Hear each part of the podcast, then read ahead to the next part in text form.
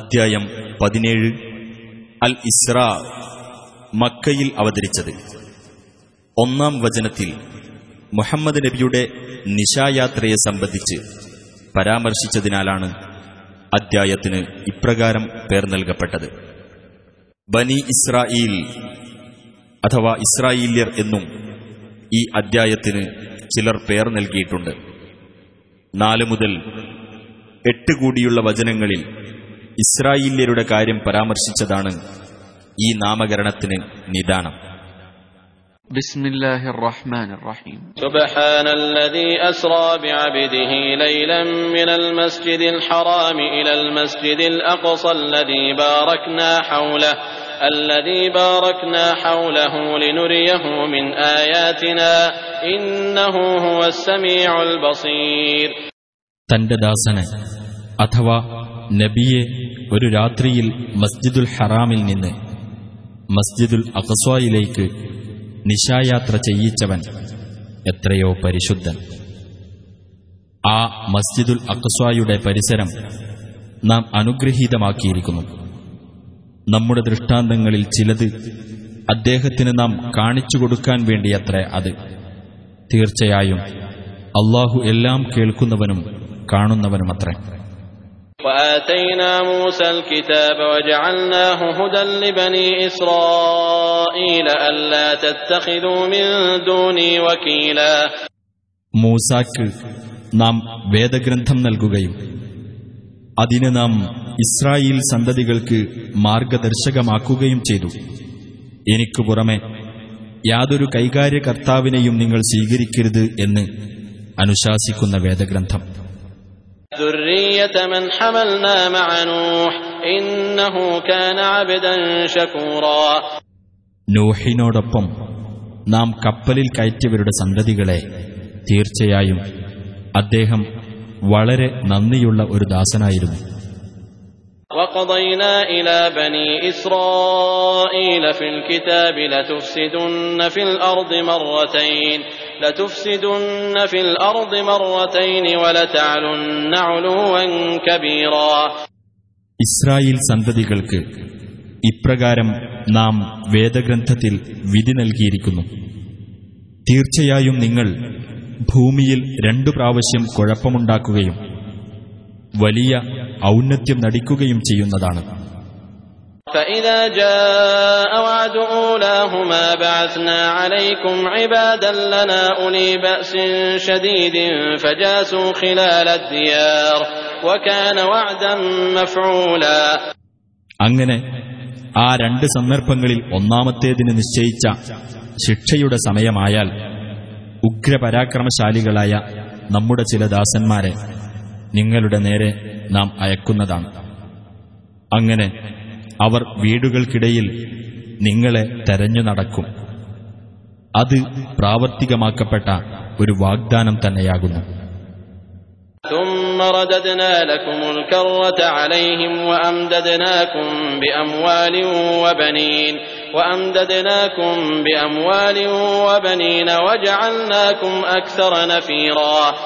പിന്നെ നാം അവർക്കെതിരിൽ നിങ്ങൾക്ക് വിജയം തിരിച്ചു തന്നു. സ്വത്തുക്കളും സന്താനങ്ങളും കൊണ്ട് നിങ്ങളെ നാം പോഷിപ്പിക്കുകയും നിങ്ങളെ നാം കൂടുതൽ സംഘബലമുള്ളവരാക്കി തീർക്കുകയും ചെയ്തു إن أحسنتم أحسنتم لأنفسكم وإن أسأتم فلها فإذا جاء وعد الآخرة ليسوءوا وجوهكم وليدخلوا المسجد كما دخلوه أول مرة وليدخلوا المسجد كما دخلوه أول مرة وليتبروا ما علوا تتبيرا നിങ്ങൾ നന്മ പ്രവർത്തിക്കുന്ന പക്ഷം നിങ്ങളുടെ ഗുണത്തിനായി തന്നെയാണ് നിങ്ങൾ നന്മ പ്രവർത്തിക്കുന്നത് നിങ്ങൾ തിന്മ പ്രവർത്തിക്കുകയാണെങ്കിൽ അതിന്റെ ദോഷവും നിങ്ങൾക്കു തന്നെ എന്നാൽ ആ രണ്ട് സന്ദർഭങ്ങളിൽ അവസാനത്തേതിന് നിശ്ചയിച്ച ശിക്ഷയുടെ സമയം വന്നാൽ നിങ്ങളുടെ മുഖങ്ങളെ അപമാനത്തിലാഴ്ത്തുവാനും ആദ്യ തവണ ആരാധനാലയത്തിൽ പ്രവേശിച്ചതുപോലെ വീണ്ടും പ്രവേശിക്കുവാനും കീഴടക്കിയതെല്ലാം തകർത്ത് കളയുവാനും നാം ശത്രുക്കളെ നിയോഗിക്കുന്നതാണ്.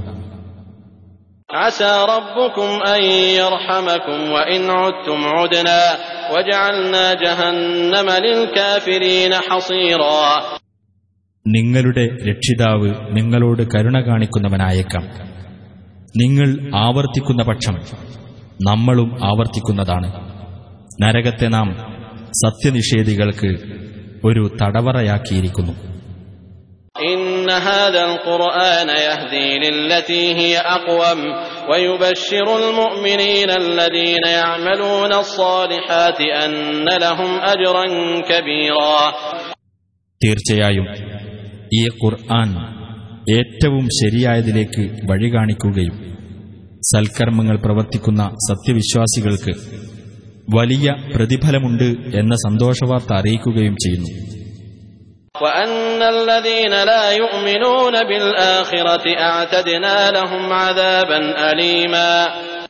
പരലോകത്തിൽ വിശ്വസിക്കാത്തവരാരോ?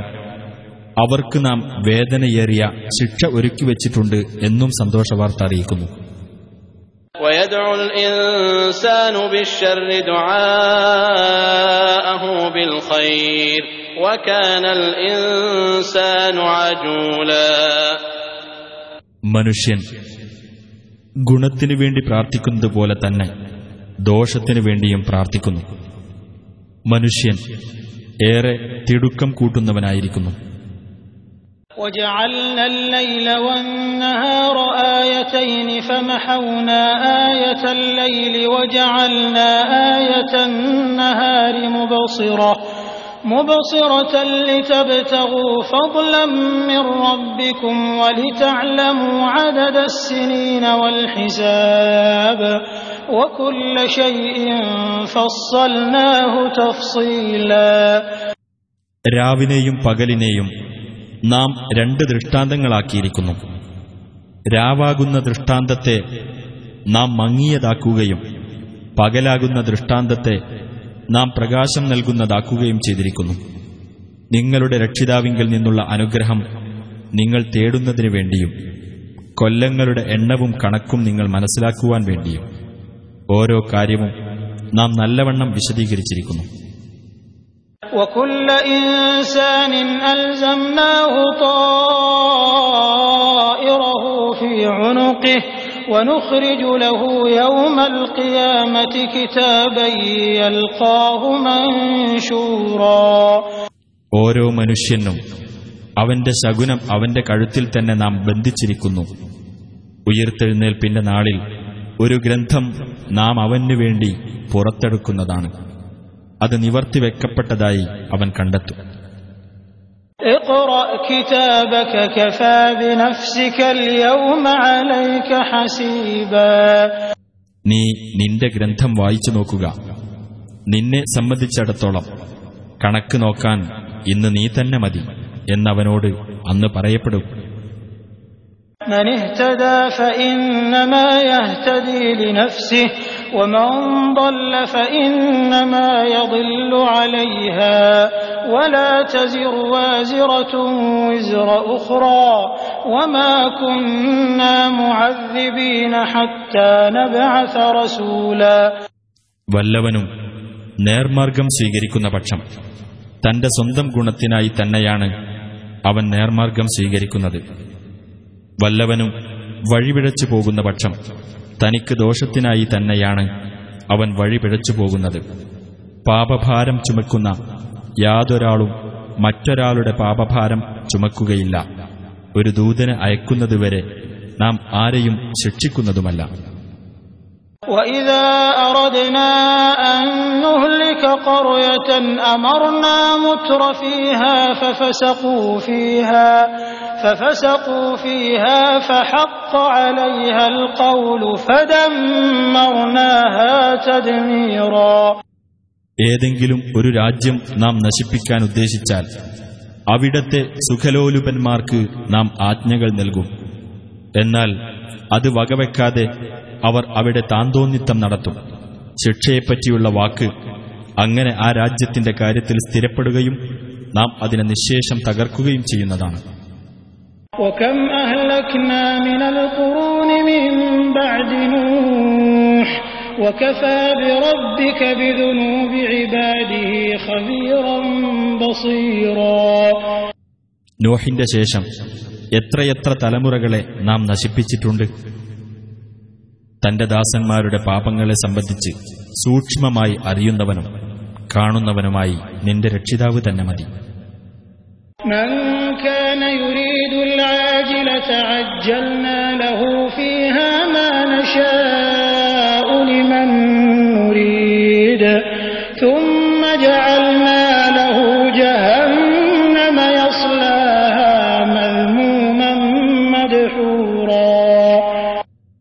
ക്ഷണികമായ ഇഹലോകത്തെയാണ് വല്ലവരും ഉദ്ദേശിക്കുന്നതെങ്കിൽ അവർക്ക് അഥവാ അവരിൽ നിന്ന് നാം ഉദ്ദേശിക്കുന്നവർക്ക് നാം ഉദ്ദേശിക്കുന്നത് ഇവിടെ വച്ച് തന്നെ വേഗത്തിൽ നൽകുന്നതാണ്. പിന്നെ നാം അങ്ങനെയുള്ളവന് നൽകുന്നത് നരകമായിരിക്കും. അപമാനിതനും പുറന്തള്ളപ്പെട്ടവനുമായിക്കൊണ്ട് അവൻ അതിൽ കടന്നെരിയുന്നതാണ്. ഒമൻ أراد الآخرة وسعى لها سعيها وهو مؤمن فأولئك فأولئك كان سعيهم مشكورا ആരെങ്കിലും പരലോകം ഉദ്ദേശിക്കുകയും സത്യവിശ്വാസിയായിക്കൊണ്ട് അതിനുവേണ്ടി അതിൻ്റെതായ പരിശ്രമം നടത്തുകയും ചെയ്യുന്ന പക്ഷം അത്തരക്കാരുടെ പരിശ്രമം പ്രതിഫലാർഹമായിരിക്കും كلا نمد هؤلاء وهؤلاء من عطاء ربك وما كان عطاء ربك محظورا ഇക്കൂട്ടരെയും അക്കൂട്ടരെയും എല്ലാം തന്നെ ഇവിടെ വെച്ച് നാം സഹായിക്കുന്നതാണ് നിന്റെ രക്ഷിതാവിന്റെ ദാനത്തിൽപ്പെട്ടതത്രേ അത് നിന്റെ രക്ഷിതാവിന്റെ ദാനം തടഞ്ഞുവെക്കപ്പെടുന്നതല്ല.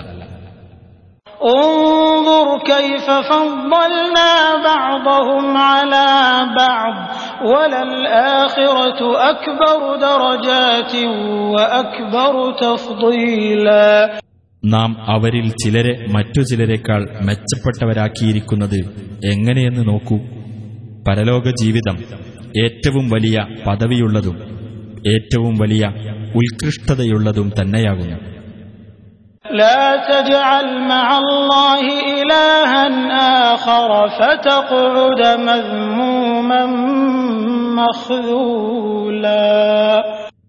അള്ളാഹുവോടൊപ്പം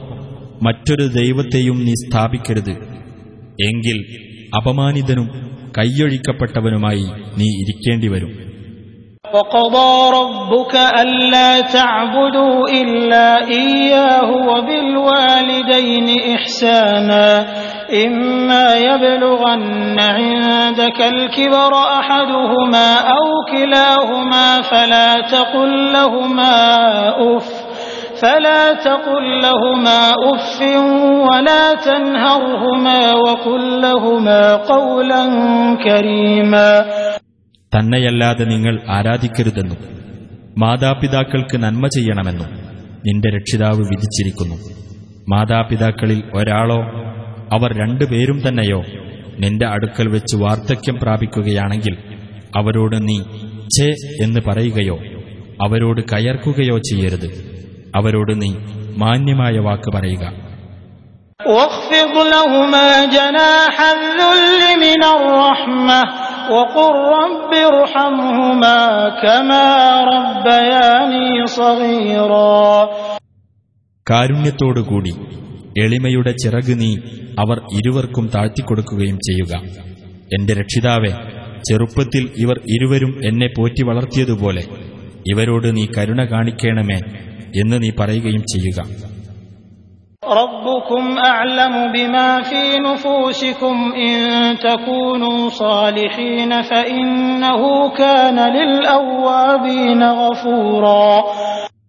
നിങ്ങളുടെ രക്ഷിതാവ് നിങ്ങളുടെ മനസ്സുകളിലുള്ളത് നല്ലവണ്ണം അറിയുന്നവനാണ് നിങ്ങൾ നല്ലവരായിരിക്കുന്ന പക്ഷം തീർച്ചയായും അവൻ ഖേദിച്ചു മടങ്ങുന്നവർക്ക് ഏറെ പൊറത്തുകൊടുക്കുന്നവനാകുന്നു وآت ذا القربى حقه والمسكين وابن السبيل ولا تبذر تبذيرا കുടുംബബന്ധമുള്ളവന് അവന്റെ അവകാശം നീ നൽകുക അഗതിക്കും വഴിപോക്കനും അവരുടെ അവകാശവും നീ ധനം ദുർവ്യയം ചെയ്തു കളയരുത് إن المبذرين كانوا إخوان الشياطين وكان الشيطان لربه كفورا തീർച്ചയായും ദുർവ്യയം ചെയ്യുന്നവർ പിശാചുക്കളുടെ സഹോദരങ്ങളാകുന്നു പിശാജ് തന്റെ രക്ഷിതാവിനോട് ഏറെ നന്ദികെട്ടവനാകുന്നു وإما تعرضن عنهم ابتغاء رحمة من ربك ترجوها فقل لهم قولا ميسورا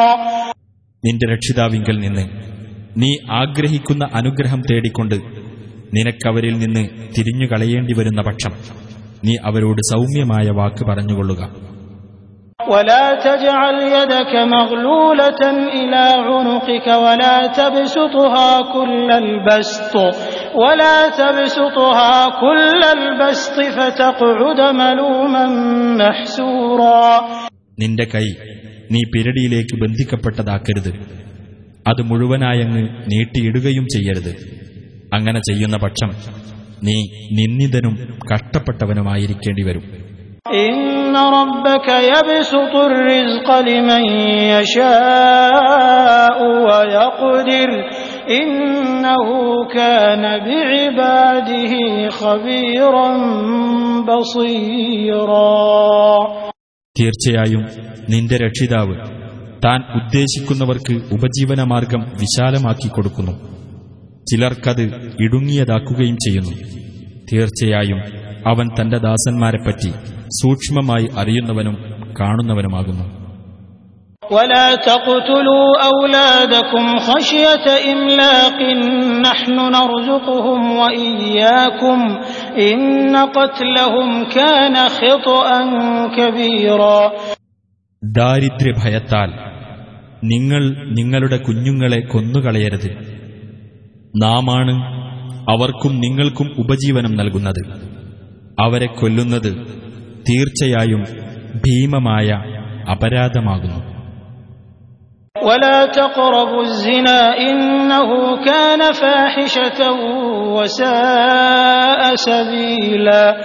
നിങ്ങൾ വ്യഭിചാരത്തെ സമീപിച്ചു പോകരുത്. തീർച്ചയായും അത് ഒരു നീചവൃത്തിയും ദുഷിച്ച മാർഗവുമാകുന്നു.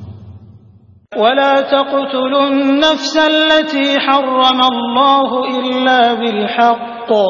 ومن قتل مظلوما فقد جعلنا لوليه سلطانا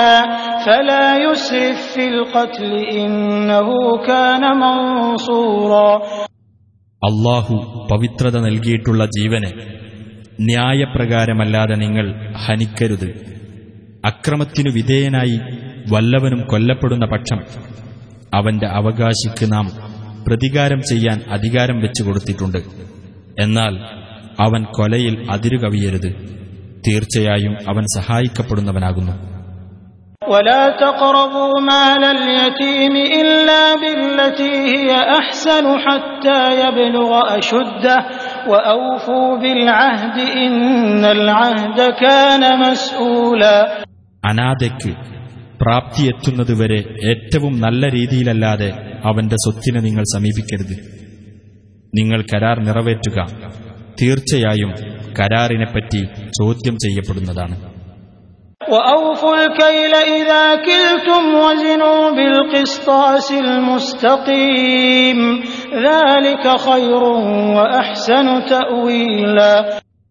നിങ്ങൾ അളന്നുകൊടുക്കുകയാണെങ്കിൽ അളവ് നിങ്ങൾ തികച്ചു കൊടുക്കുക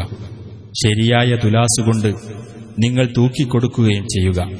അതാണ് ഉത്തമവും അന്ത്യഫലത്തിൽ ഏറ്റവും മെച്ചമായിട്ടുള്ളതും ولا تقف ما ليس لك به علم إن السمع والبصر والفؤاد كل أولئك كان عنه مسؤولا നിനക്കറിവില്ലാത്ത യാതൊരു കാര്യത്തിന്റെയും പിന്നാലെ നീ പോകരുത്. തീർച്ചയായും കേൾവി കാഴ്ച ഹൃദയം എന്നിവയെപ്പറ്റിയെല്ലാം ചോദ്യം ചെയ്യപ്പെടുന്നതാണ്.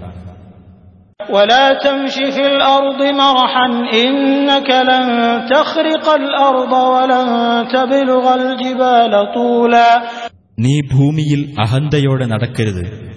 തീർച്ചയായും നിനക്ക് ഭൂമിയെ പിളർക്കാനൊന്നുമാവില്ല ഉയരത്തിൽ നിനക്ക് പർവ്വതങ്ങൾക്കൊപ്പമെത്താനും ആവില്ല തീർച്ച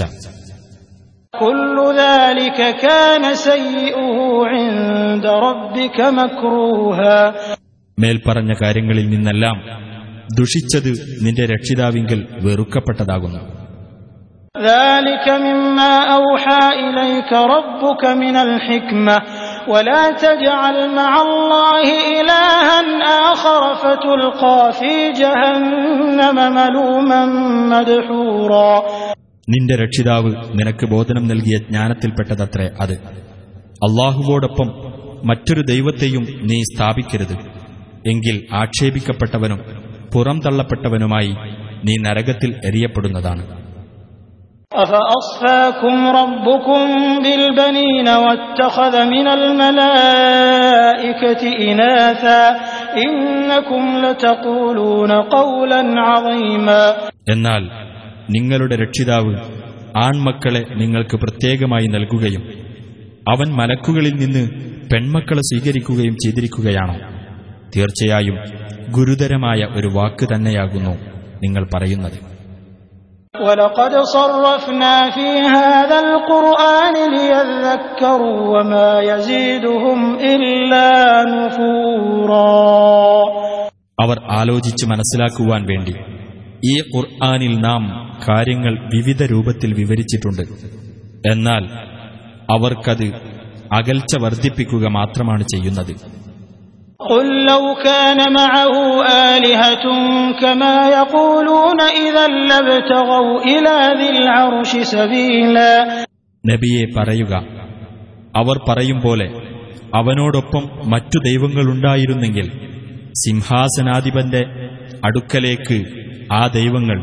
വല്ല മാർഗവും തേടുക തന്നെ ചെയ്യുമായിരുന്നു سبحانه وتعالى عما يقولون علوا كبيرا അവൻ എത്ര പരിശുദ്ധൻ അവർ പറഞ്ഞുണ്ടാക്കുന്നതിനെല്ലാം ഉപരിയായി അവൻ വലിയ ഔന്നത്യം പ്രാപിച്ചിരിക്കുന്നു تسبح له السماوات السبع والأرض ومن فيهن وإن من شيء إلا يسبح بحمده ولكن لا تفقهون تسبيحهم إنه كان حليما غفورا ഏഴ് ആകാശങ്ങളും ഭൂമിയും അവയിലുള്ളവരും അവന്റെ പരിശുദ്ധിയെ പ്രകീർത്തിക്കുന്നു യാതൊരു വസ്തുവും അവനെ സ്തുതിച്ചുകൊണ്ട് അവന്റെ പരിശുദ്ധിയെ പ്രകീർത്തിക്കാത്തതായി ഇല്ല പക്ഷേ അവരുടെ കീർത്തനം നിങ്ങൾ ഗ്രഹിക്കുകയില്ല തീർച്ചയായും അവൻ സഹനശീലനും ഏറെ പൊറുക്കുന്നവനുമാകുന്നു وإذا قرأت القرآن جعلنا بينك وبين الذين لا يؤمنون بالآخرة حجابا مستورا നീ ഖുർആൻ പാരായണം ചെയ്താൽ നിന്റെയും പരലോകത്തിൽ വിശ്വസിക്കാത്തവരുടെയും ഇടയിൽ ദൃശ്യമല്ലാത്ത ഒരു മറ നാം വെക്കുന്നതാണ് وجعلنا على قلوبهم أكنة أن يفقهوه وفي آذانهم وقرا وإذا ذكرت ربك في القرآن وحده ولوا على أدبارهم نفورا അവരത് ഗ്രഹിക്കുന്നതിന് തടസ്സമായി അവരുടെ ഹൃദയങ്ങളിന്മേൽ നാം മൂടികൾ വെക്കുന്നതും അവരുടെ കാതുകളിൽ നാം ഒരുതരം ഭാരം വെക്കുന്നതുമാണ് ഖുർആൻ പാരായണത്തിൽ നിന്റെ രക്ഷിതാവിനെപ്പറ്റി മാത്രം പ്രസ്താവിച്ചാൽ അവർ വിരളിയെടുത്ത് പുറം തിരിഞ്ഞു പോകുന്നതാണ് نحن أعلم بما يستمعون به إذ يستمعون إليك وإذ هم نجوى إذ يقول الظالمون إن تتبعون إلا رجلا مسحورا നീ പറയുന്നത് അവർ ശ്രദ്ധിച്ചു കേൾക്കുന്ന സമയത്ത് എന്തൊരു കാര്യമാണ് അവർ ശ്രദ്ധിച്ചു കേട്ടുകൊണ്ടിരിക്കുന്നത് എന്ന് നമുക്ക് നല്ലവണ്ണം അറിയാം. അവർ സ്വകാര്യം പറയുന്ന സന്ദർഭം. അഥവാ മാരണം ബാധിച്ച ഒരാളെ മാത്രമാണ് നിങ്ങൾ പിന്തുടരുന്നത് എന്ന് നിന്നെ പരിഹസിച്ചുകൊണ്ട് അക്രമികൾ പറയുന്ന സന്ദർഭവും നമുക്ക് നല്ലവണ്ണം അറിയാം. ഓ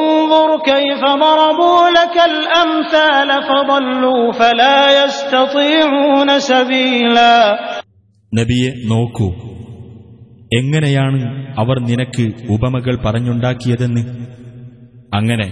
അവർ പിഴച്ചുപോയിരിക്കുന്നു അതിനാൽ അവർക്ക് ഒരു മാർഗവും പ്രാപിക്കാൻ സാധിക്കുകയില്ല وقالوا أإذا كنا عظاما ورفاتا أإنا لمبعوثون خلقا جديدا അവർ പറഞ്ഞു നാം എല്ലുകളും ജീർണാവശിഷ്ടങ്ങളുമായി കഴിഞ്ഞാൽ തീർച്ചയായും നാം പുതിയൊരു സൃഷ്ടിയായി ഉയർത്തെഴുന്നേൽപ്പിക്കപ്പെടുന്നതാണോ قل كونوا حجارة أو حديدا أو خلقا مما يكبر في صدوركم فسيقولون من يعيدنا قل الذي فطركم أول مرة فسينغضون إليك رؤوسهم ويقولون متاه قل عسى أن يكون قريبا നബിയെ നീ പറയുക നിങ്ങൾ കല്ലോ ഇരുമ്പോ ആയിക്കൊള്ളുക അല്ലെങ്കിൽ നിങ്ങളുടെ മനസ്സുകളിൽ വലുതായി തോന്നുന്ന ഏതെങ്കിലുമൊരു സൃഷ്ടിയായിക്കൊള്ളുക എന്നാലും നിങ്ങൾ പുനരുജ്ജീവിപ്പിക്കപ്പെടും അപ്പോൾ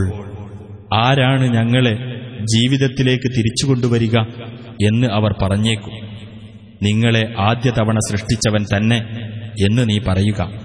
അപ്പോൾ നിന്റെ നേരെ നോക്കിയിട്ട് അവർ തലയാട്ടിക്കൊണ്ട് പറയും എപ്പോഴായിരിക്കും അത്? നീ പറയുക അത് അടുത്തു തന്നെ ആയേക്കാം. يوم يدعوكم فتستجيبون بحمده وتظنون إن لبثتم إلا قليلا അതെ അവൻ നിങ്ങളെ വിളിക്കുകയും അവനെ സ്തുതിച്ചുകൊണ്ട് നിങ്ങൾ ഉത്തരം നൽകുകയും ചെയ്യുന്ന ദിവസം അതിനിടക്ക് വളരെ കുറച്ച് മാത്രമേ നിങ്ങൾ കഴിച്ചുകൂട്ടിയിട്ടുള്ളൂ എന്ന് നിങ്ങൾ വിചാരിക്കുകയും ചെയ്യും وقل لعبادي يقولوا التي هي أحسن إن الشيطان ينزغ بينهم إن الشيطان كان للإنسان عدوا مبينا നീ എന്റെ ദാസന്മാരോട് പറയുക അവർ പറയുന്നത് ഏറ്റവും നല്ല വാക്കായിരിക്കണമെന്ന് തീർച്ചയായും പിശാജ് അവർക്കിടയിൽ കുഴപ്പം ഇളക്കിവിടുന്നു തീർച്ചയായും പിശാജ് മനുഷ്യന് പ്രത്യക്ഷ ശത്രുവാകുന്നു ربكم أعلم بكم إن يشأ يرحمكم أو إن يشأ يعذبكم وما أرسلناك عليهم وكيلا നിങ്ങളുടെ രക്ഷിതാവ് നിങ്ങളെപ്പറ്റി നല്ലവണ്ണം അറിയുന്നവനാകുന്നു അവൻ ഉദ്ദേശിക്കുന്ന പക്ഷം അവൻ നിങ്ങളോട് കരുണ കാണിക്കും അല്ലെങ്കിൽ അവൻ ഉദ്ദേശിക്കുന്ന പക്ഷം അവൻ നിങ്ങളെ ശിക്ഷിക്കും. അവരുടെ മേൽ മേൽനോട്ടക്കാരനായി നിന്നെ നാം നിയോഗിച്ചിട്ടില്ല.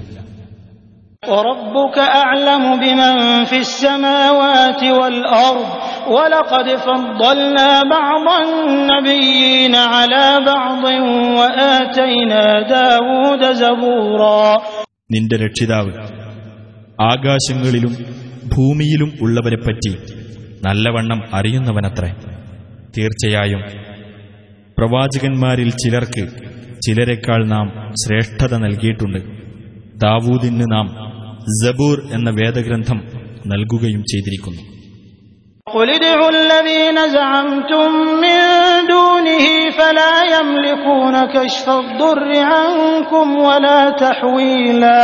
നബിയെ പറയുക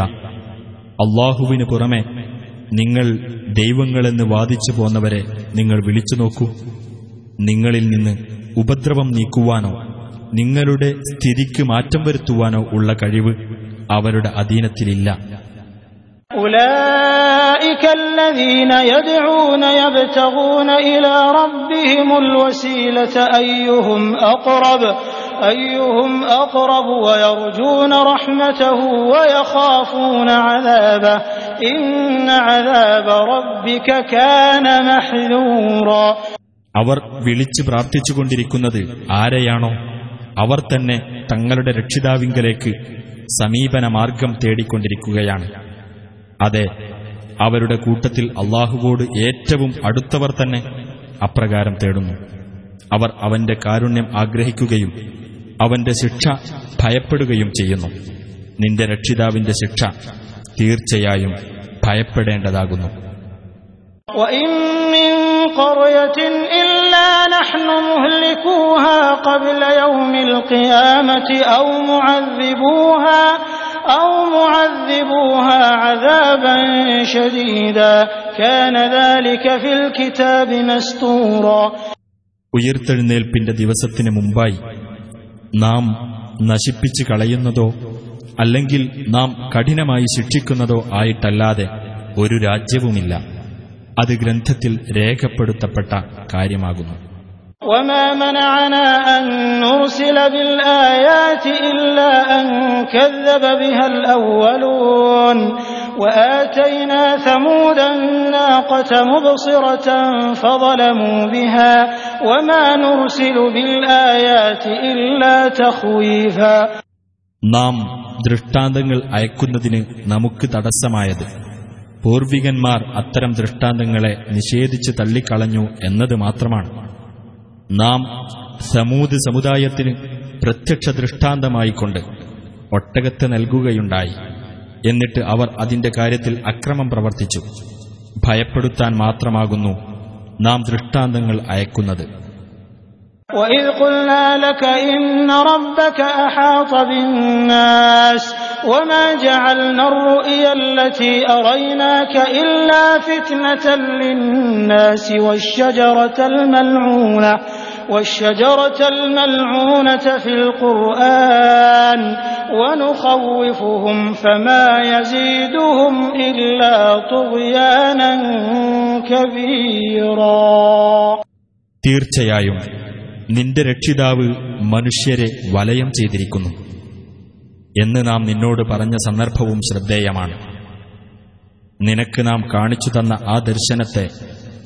നാം ജനങ്ങൾക്ക് ഒരു പരീക്ഷണം മാത്രമാക്കിയിരിക്കുകയാണ്. ഖുർആാനിലെ ശപിക്കപ്പെട്ട വൃക്ഷത്തെയും ഒരു പരീക്ഷണമാക്കിയിരിക്കുന്നു. നാം അവരെ ഭയപ്പെടുത്തുന്നു. എന്നാൽ വലിയ ധിക്കാരം മാത്രമാണ് അതവർക്ക് വർദ്ധിപ്പിച്ചുകൊണ്ടിരിക്കുന്നത്. وإذ قلنا للملائكة اسجدوا لآدم فسجدوا إلا إبليس قال أأسجد لمن خلقت طينا നിങ്ങൾ ആദമിന് പ്രണാമം ചെയ്യുക എന്ന് നാം മലക്കുകളോട് പറഞ്ഞ സന്ദർഭം ശ്രദ്ധേയമാകുന്നു അപ്പോൾ അവർ പ്രണമിച്ചു ഇബിലീസ് ഒഴികെ അവൻ പറഞ്ഞു നീ കളിമണ്ണിനാൽ സൃഷ്ടിച്ചവന് ഞാൻ പ്രണാമം ചെയ്യുകയോ قال أرأيتك هذا الذي كرمت علي لئن أخرتني إلى يوم القيامة لئن أخرتني إلى يوم القيامة لأحتنكن ذريته إلا قليلا അവൻ പറഞ്ഞു എന്നെക്കാൾ നീ ആദരിച്ചിട്ടുള്ള ഇവൻ ആരെന്ന് നീ എനിക്ക് പറഞ്ഞു തരൂ തീർച്ചയായും ഉയർത്തെഴുന്നേൽപ്പിന്റെ നാളുവരെ നീ എനിക്ക് അവധി നീട്ടിത്തരുന്ന പക്ഷം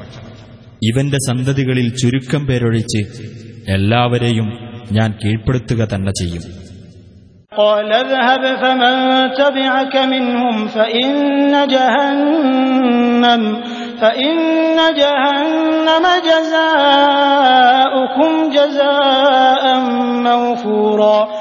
അള്ളാഹു പറഞ്ഞു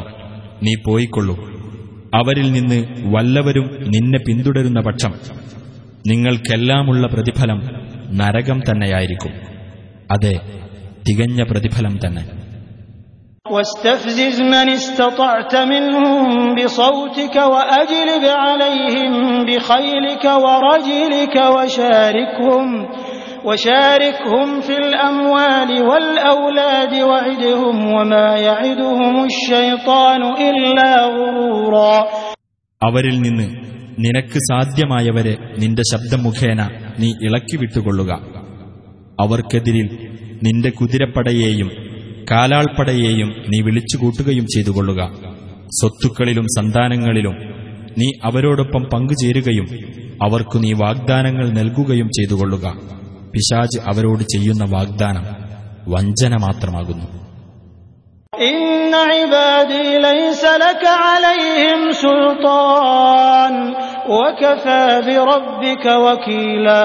തീർച്ചയായും എന്റെ ദാസന്മാരാരോ അവരുടെ മേൽ നിനക്ക് യാതൊരു അധികാരവുമില്ല. കൈകാര്യകർത്താവായി നിന്റെ രക്ഷിതാവ് തന്നെ മതി. ربكم الذي يزجي لكم الفلك في البحر لتبتغوا من فضله إنه كان بكم رحيما നിങ്ങളുടെ രക്ഷിതാവ് നിങ്ങൾക്കുവേണ്ടി കടലിലൂടെ കപ്പൽ ഓടിക്കുന്നവനാകുന്നു അവന്റെ ഔദാര്യത്തിൽ നിന്ന് നിങ്ങൾ തേടിക്കൊണ്ടുവരുന്നതിനു വേണ്ടിയത്രേ അത് തീർച്ചയായും അവൻ നിങ്ങളോട് ഏറെ കരുണയുള്ളവനാകുന്നു وإذا مسكم الضر في البحر ضل من تدعون إلا إياه فلما نجاكم إلى البر أعرضتم وكان الإنسان كفورا കടലിൽ വച്ച് നിങ്ങൾക്ക് കഷ്ടത നേരിട്ടാൽ അവനൊഴികെ നിങ്ങൾ ആരെയെല്ലാം വിളിച്ച് പ്രാർത്ഥിച്ചിരുന്നുവോ അവർ അപ്രത്യക്ഷരാകും എന്നാൽ നിങ്ങളെ അവൻ രക്ഷപ്പെടുത്തി കരയിലെത്തിക്കുമ്പോൾ നിങ്ങൾ തിരിഞ്ഞുകളയുകയായി മനുഷ്യൻ ഏറെ നന്ദികെട്ടവനായിരിക്കുന്നു أفأمنتم أن يخسف بكم جانب البر أو يرسل عليكم حاصبا أو يرسل عليكم حاصبا ثم لا تجدوا لكم وكيلا കരയുടെ ഭാഗത്ത് തന്നെ അവൻ നിങ്ങളെ ആഴ്ത്തിക്കളയുകയോ അല്ലെങ്കിൽ അവൻ നിങ്ങളുടെ നേരെ ഒരു ചരൽമഴ അയക്കുകയോ ചെയ്യുകയും നിങ്ങളുടെ സംരക്ഷണം ഏൽക്കാൻ യാതൊരാളെയും നിങ്ങൾ കണ്ടെത്താതിരിക്കുകയും ചെയ്യുന്നതിനെപ്പറ്റി നിങ്ങൾ നിർഭയരായിരിക്കുകയാണോ أم أمنتم أن يعيدكم فيه تارة أخرى فيرسل عليكم قاصفا فيرسل عليكم قاصفا من الريح فيغرقكم بما كفرتم فيغرقكم بما كفرتم ثم لا تجدوا لكم علينا به تبيعا അതല്ലെങ്കിൽ മറ്റൊരു പ്രാവശ്യം അവൻ നിങ്ങളെ കടലിലേക്ക് തിരിച്ചു കൊണ്ടുപോകുകയും എന്നിട്ട് നിങ്ങളുടെ നേർക്ക് അവൻ ഒരു തകർപ്പൻ കാറ്റയച്ചിട്ട് നിങ്ങൾ നന്ദികേട് കാണിച്ചതിന് നിങ്ങളെ അവൻ മുക്കിക്കളയുകയും അനന്തരം ആ കാര്യത്തിൽ നിങ്ങൾക്കു വേണ്ടി നമുക്കെതിരിൽ നടപടിയെടുക്കാൻ യാതൊരാളെയും നിങ്ങൾ കണ്ടെത്താതിരിക്കുകയും ചെയ്യുന്നതിനെപ്പറ്റി നിങ്ങൾ നിർഭയരായിരിക്കുകയാണോ ولقد كرمنا بني آدم وحملناهم في البر والبحر ورزقناهم من الطيبات وفضلناهم وفضلناهم على كثير ممن خلقنا تفضيلا തീർച്ചയായും ആദം സന്തതികളെ നാം ആദരിക്കുകയും കടലിലും കരയിലും അവരെ നാം വാഹനത്തിൽ കയറ്റുകയും വിശിഷ്ടമായ വസ്തുക്കളിൽ നിന്നും നാം അവർക്ക് ഉപജീവനം നൽകുകയും നാം സൃഷ്ടിച്ചിട്ടുള്ളവരിൽ മിക്കവരെക്കാളും അവർക്ക് നാം സവിശേഷമായ ശ്രേഷ്ഠത നൽകുകയും ചെയ്തിരിക്കുന്നു. യൗമ കുല്ല ഉനാസിൻ ബിഇമാമിഹിം فمن أوتي كتابه بيمينه فأولئك يقرؤون كتابهم ولا يظلمون فتيلا എല്ലാ മനുഷ്യരെയും അവരുടെ നേതാവിനൊപ്പം നാം വിളിച്ചുകൂട്ടുന്ന ദിവസം ശ്രദ്ധേയമാകുന്നു അപ്പോൾ ആർക്ക് തന്റെ കർമ്മങ്ങളുടെ രേഖ തന്റെ വലതുകൈയിൽ നൽകപ്പെട്ടുവോ അത്തരക്കാർ അവരുടെ ഗ്രന്ഥം വായിച്ചു നോക്കുന്നതാണ് അവരോട് ഒരു തരിമ്പും അനീതി ചെയ്യപ്പെടുന്നതുമല്ല ومن كان في هذه أعمى فهو في الآخرة أعمى وأضل سبيلا വല്ലവനും ഈ ലോകത്ത് അന്ധനായിരുന്നാൽ പരലോകത്തും അവൻ അന്ധനായിരിക്കും ഏറ്റവും വഴിപിഴച്ചവനുമായിരിക്കും وإن كادوا ليفتنونك عن الذي أوحينا إليك لتفتري علينا غيره لتفتري علينا غيره وإذا لاتخذوك خليلا തീർച്ചയായും നാം നിനക്ക് ബോധനം നൽകിയിട്ടുള്ളതിൽ നിന്ന് അവർ നിന്നെ തെറ്റിച്ചു കളയാൻ ഒരുങ്ങിയിരിക്കുന്നു നീ നമ്മുടെ മേൽ അതല്ലാത്ത വല്ലതും കെട്ടിച്ചമയ്ക്കുവാനാണ് അവർ ആഗ്രഹിക്കുന്നത് അപ്പോൾ അവർ നിന്നെ മിത്രമായി സ്വീകരിക്കുക തന്നെ ചെയ്യും.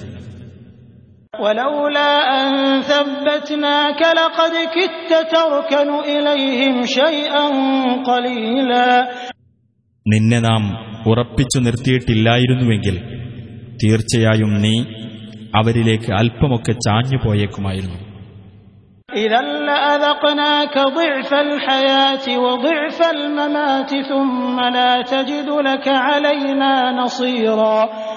എങ്കിൽ ജീവിതത്തിലും ഇരട്ടി ശിക്ഷ മരണത്തിലും ഇരട്ടി ശിക്ഷ. അതായിരിക്കും നാം നിനക്ക് ആസ്വദിപ്പിക്കുന്നത്. പിന്നീട് നമുക്കെതിരിൽ നിനക്ക് സഹായം നൽകാൻ യാതൊരാളെയും നീ കണ്ടെത്തുകയില്ല. وإن كادوا ليستفزونك من الأرض ليخرجوك منها ليخرجوك منها وإذا لا يلبثون خلافك إلا قليلا തീർച്ചയായും അവർ നിന്നെ നാട്ടിൽ നിന്ന് വിരട്ടിവിടുവാൻ ഒരുങ്ങിയിരിക്കുന്നു നിന്നെ അവിടെ നിന്ന് പുറത്താക്കുകയത്രേ അവരുടെ ലക്ഷ്യം എങ്കിൽ നിന്റെ പുറത്താക്കലിന് ശേഷം കുറച്ചു കാലമല്ലാതെ അവർ അവിടെ താമസിക്കുകയില്ല.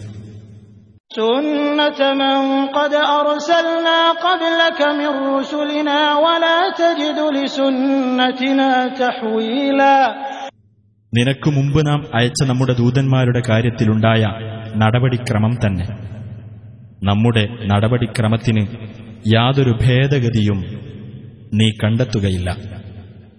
أقم الصلاة لدلوك الشمس إلى غسق الليل وقرآن الفجر إن قرآن الفجر كان مشهودا സൂര്യൻ ആകാശമധ്യത്തിൽ നിന്ന് തെറ്റിയതു മുതൽ രാത്രി ഇരുട്ടുന്നതുവരെ നിശ്ചിത സമയങ്ങളിൽ നീ നമസ്കാരം മുറപ്രകാരം നിർവഹിക്കുക ഖുർആൻ പാരായണം ചെയ്തുകൊണ്ടുള്ള പ്രഭാത നമസ്കാരവും നിലനിർത്തുക തീർച്ചയായും പ്രഭാത നമസ്കാരത്തിലെ ഖുർആൻ പാരായണം സാക്ഷ്യം വഹിക്കപ്പെടുന്നതാകുന്നു ومن الليل فتهجد به نافلة لك عسى أن يبعثك ربك مقاما محمودا രാത്രിയിൽ നിന്ന് അല്പസമയം നീ ഉറക്കമുണർന്ന് ഖുർആൻ പാരായണത്തോടെ നമസ്കരിക്കുകയും ചെയ്യുക അത് നിനക്ക് കൂടുതലായുള്ള ഒരു പുണ്യകർമ്മമാകുന്നു. നിന്റെ രക്ഷിതാവ് നിന്നെ സ്തുത്യർഹമായ ഒരു സ്ഥാനത്ത് നിയോഗിച്ചേക്കാം.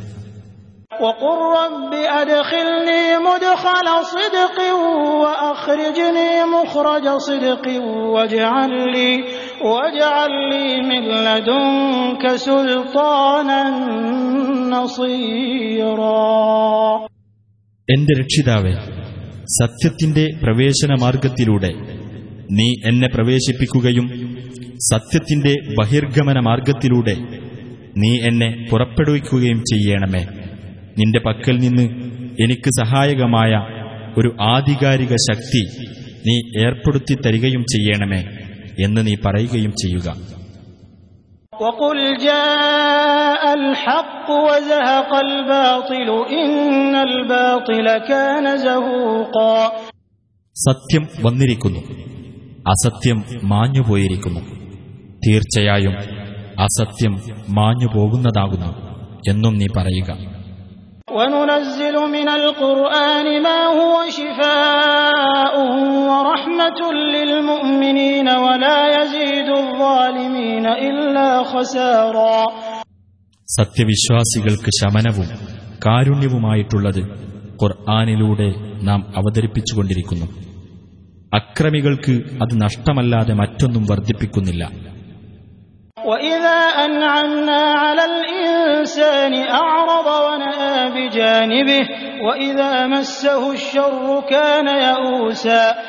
നാം മനുഷ്യന് അനുഗ്രഹം ചെയ്തു കൊടുത്താൽ അവൻ തിരിഞ്ഞു കളയുകയും അവന്റെ പാട്ടിന്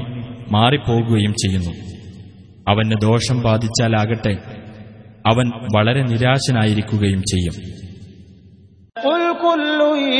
يعمل على شاكلته فربكم أعلم بمن هو أهدى سبيلا പറയുക എല്ലാവരും അവരവരുടെ സമ്പ്രദായമനുസരിച്ച് പ്രവർത്തിച്ചുകൊണ്ടിരിക്കുന്നു എന്നാൽ കൂടുതൽ ശരിയായ മാർഗം സ്വീകരിച്ചവൻ ആരാണെന്നതിനെപ്പറ്റി നിങ്ങളുടെ രക്ഷിതാവ് നല്ലവണ്ണം അറിയുന്നവനാകുന്നു ويسألونك عن الروح قل الروح من أمر ربي وما أوتيتم من العلم إلا قليلا നിന്നോടവർ ആത്മാവിനെപ്പറ്റി ചോദിക്കുന്നു പറയുക ആത്മാവ് എന്റെ രക്ഷിതാവിന്റെ കാര്യത്തിൽപ്പെട്ടതാകുന്നു അറിവിൽ നിന്ന് അല്പമല്ലാതെ നിങ്ങൾക്ക് നൽകപ്പെട്ടിട്ടില്ല ولئن شئنا لنذهبن بالذي أوحينا إليك ثم لا تجد لك به علينا وكيلا തീർച്ചയായും നാം ഉദ്ദേശിച്ചിരുന്നുവെങ്കിൽ നിനക്ക് നാം നൽകിയ സന്ദേശം നാം പിൻവലിക്കുമായിരുന്നു പിന്നീട് അതിന്റെ കാര്യത്തിൽ നമുക്കെതിരായി നിനക്ക് ഫലമേൽപ്പിക്കാവുന്ന യാതൊരാളെയും നീ കണ്ടെത്തുകയുമില്ല إلا رحمة من ربك إن فضله كان عليك كبيرا നിന്റെ രക്ഷിതാവിങ്കിൽ നിന്നുള്ള കാരുണ്യം മാത്രമാകുന്നു അത് നിന്റെ മേൽ അവന്റെ അനുഗ്രഹം തീർച്ചയായും മഹത്തരമായിരിക്കുന്നു قل لئن اجتمعت الإنس والجن على أن يأتوا بمثل هذا القرآن لا يأتون بمثله لا يأتون بمثله ولو كان بعضهم لبعض ظهيرا നബിയെ പറയുക ഈ ഖുർആൻ പോലുള്ളതൊന്ന് കൊണ്ടുവരുന്നതിനായി മനുഷ്യരും ജിന്നുകളും ഒന്നിച്ചു ചേർന്നാലും തീർച്ചയായും അതുപോലൊന്ന് അവർ കൊണ്ടുവരികയില്ല അവരിൽ ചിലർ ചിലർക്ക് പിന്തുണ നൽകുന്നതായാൽ പോലും ولقد صرفنا للناس في هذا القرآن من كل مثل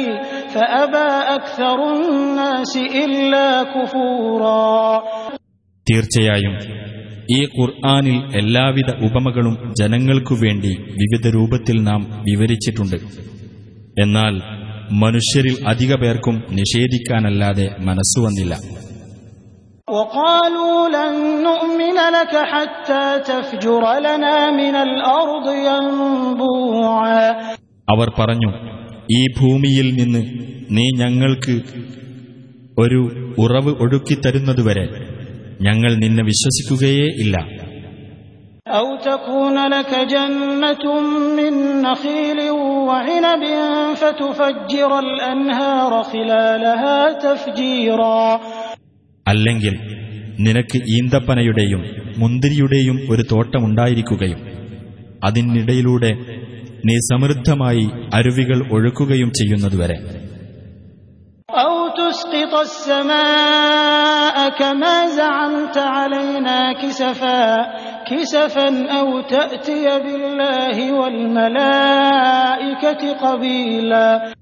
അല്ലെങ്കിൽ നീ ജൽപ്പിച്ചതുപോലെ ആകാശത്തെ ഞങ്ങളുടെ മേൽ കഷ്ണം കഷ്ണമായി നീ വീഴ്ത്തുന്നതുവരെ.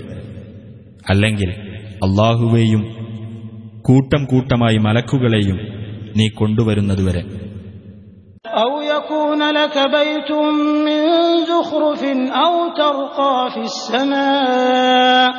يكون لك بيت من زخرف أو ترقى في السماء أو ترقى في السماء ولن نؤمن لرقيك حتى تنزل علينا كتابا نقرأه قل سبحان ربي هل كنت إلا بشرا رسولا അല്ലെങ്കിൽ നിനക്ക് സ്വർണം കൊണ്ടുള്ള ഒരു വീടുണ്ടാകുന്നതുവരെ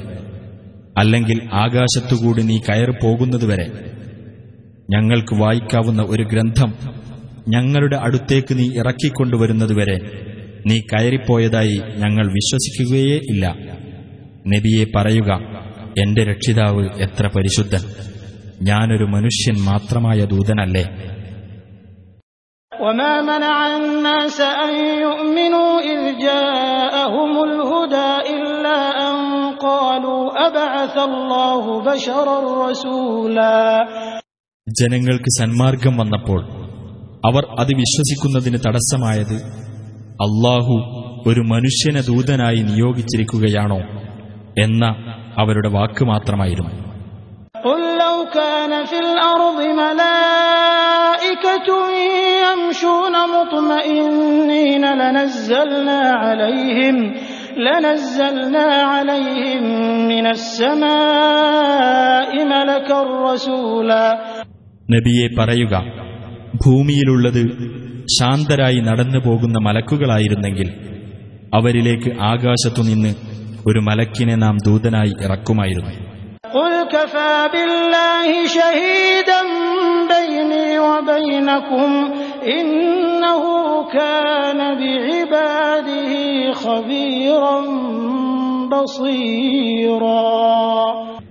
നീ പറയുക എനിക്കും നിങ്ങൾക്കുമിടയിൽ സാക്ഷിയായി അള്ളാഹു മതി തീർച്ചയായും അള്ളാഹു തന്റെ ദാസന്മാരെപ്പറ്റി സൂക്ഷ്മമായി അറിയുന്നവനും കാണുന്നവനുമാകുന്നു ومن يهد الله فهو المهتد ومن يضلل فلن تجد لهم أولياء من دونه ونحشرهم يوم القيامة على وجوههم عميا وبكما وصما مأواهم جهنم كلما خبت زدناهم سعيرا അള്ളാഹു ആരെ നേർവഴിയിലാക്കുന്നുവോ അവനാണ് നേർമാർഗം പ്രാപിച്ചവൻ അവൻ ആരെ ദുർമാർഗത്തിലാക്കുന്നുവോ അവർക്കവന് പുറമെ രക്ഷാധികാരികളെയൊന്നും നീ കണ്ടെത്തുന്നതേയല്ല ഉയർത്തെഴുന്നേൽപ്പിന്റെ നാളിൽ മുഖം നിലത്ത് കുത്തിയവരായിക്കൊണ്ടും അന്ധരും ഊമകളും ബധിരരുമായിക്കൊണ്ടും നാം അവരെ ഒരുമിച്ച് കൂട്ടുന്നതാണ് അവരുടെ സങ്കേതം നരകമത്രേ അത് അണഞ്ഞു പോകുമ്പോഴെല്ലാം നാം അവർക്ക് ജ്വാല കൂട്ടിക്കൊടുക്കുന്നതാണ് ذلك جزاؤهم بأنهم كفروا بآياتنا وقالوا وقالوا أإذا كنا عظاما ورفاتا أإنا لمبعوثون خلقا جديدا അവർ നമ്മുടെ ദൃഷ്ടാന്തങ്ങളെ നിഷേധിച്ചതിനും ഞങ്ങൾ എല്ലുകളും ജീർണാവശിഷ്ടങ്ങളും ആയി കഴിഞ്ഞിട്ടാണോ പുതിയൊരു സൃഷ്ടിയായി ഞങ്ങൾ ഉയർത്തെഴുന്നേൽപ്പിക്കപ്പെടുന്നത് എന്ന് അവർ പറഞ്ഞതിനും അവർക്കുള്ള പ്രതിഫലമത്രേ അത്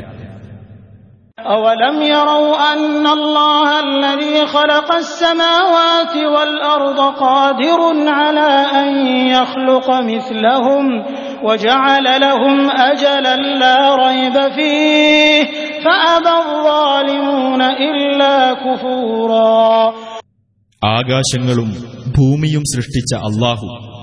ഇവരെപ്പോലെയുള്ളവരെയും സൃഷ്ടിക്കാൻ ശക്തനാണ് എന്ന് ഇവർ മനസ്സിലാക്കിയിട്ടില്ലേ? ഇവർക്കവൻ ഒരു അവധി നിശ്ചയിച്ചിട്ടുണ്ട്. അതിൽ സംശയമേ ഇല്ല. എന്നാൽ നന്ദികേട് കാണിക്കാനല്ലാതെ ഈ അക്രമികൾക്ക് മനസ്സുവന്നില്ല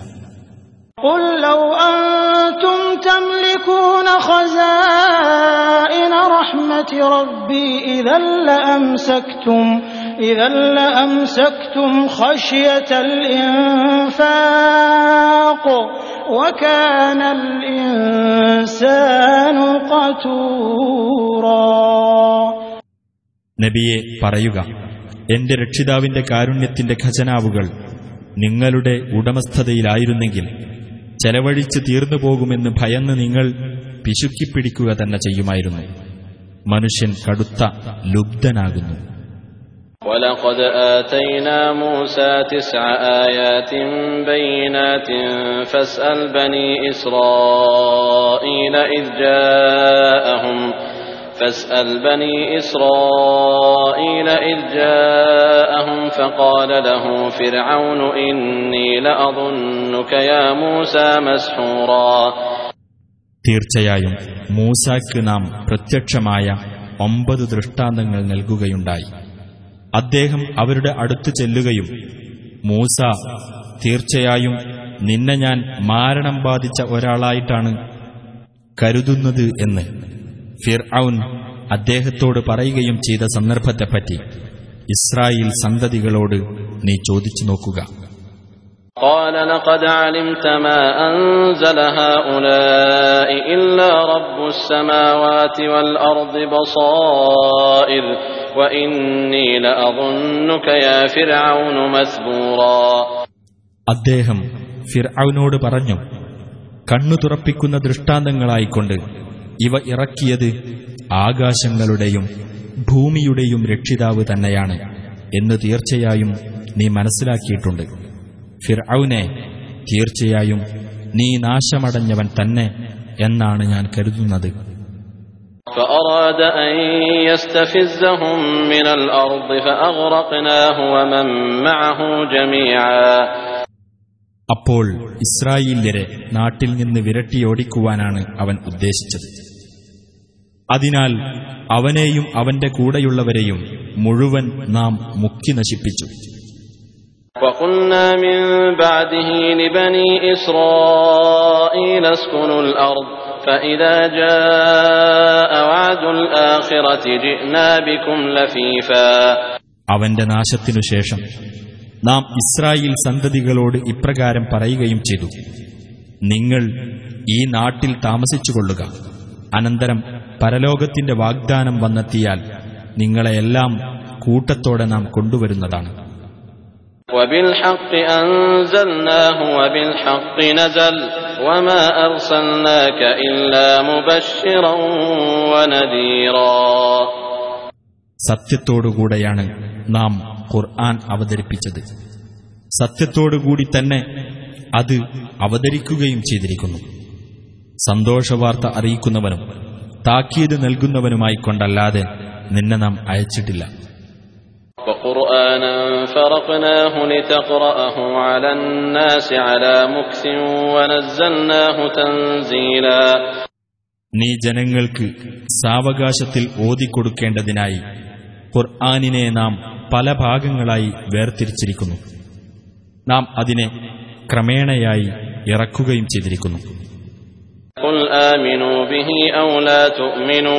قل آمنوا به أو لا تؤمنوا إن الذين أوتوا العلم من قبله إذا يتلى عليهم يخرون للأذقان سجدا നബിയെ പറയുക നിങ്ങൾ ഈ ഖുർആാനിൽ വിശ്വസിച്ചുകൊള്ളുക അല്ലെങ്കിൽ വിശ്വസിക്കാതിരിക്കുക തീർച്ചയായും ഇതിനു മുമ്പ് ദിവ്യജ്ഞാനം നൽകപ്പെട്ടവരാരോ അവർക്ക് ഇത് വായിച്ചു കേൾപ്പിക്കപ്പെട്ടാൽ അവർ പ്രണമിച്ചുകൊണ്ട് മുഖം കുത്തി വീഴുന്നതാണ് ويقولون سبحان ربنا إن كان وعد ربنا لمفعولا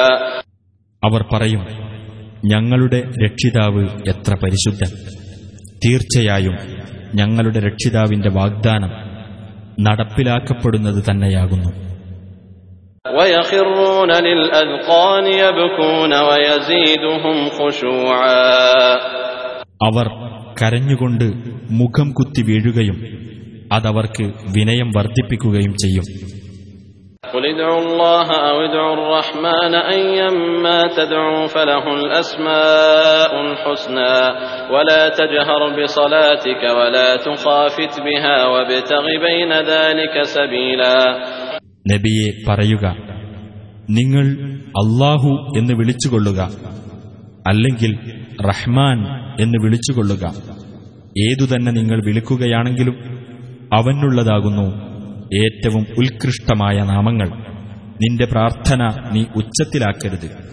അത് പതുക്കെയുമാക്കരുത് അതിനിടയിലുള്ള ഒരു മാർഗം നീ തേടിക്കൊള്ളുക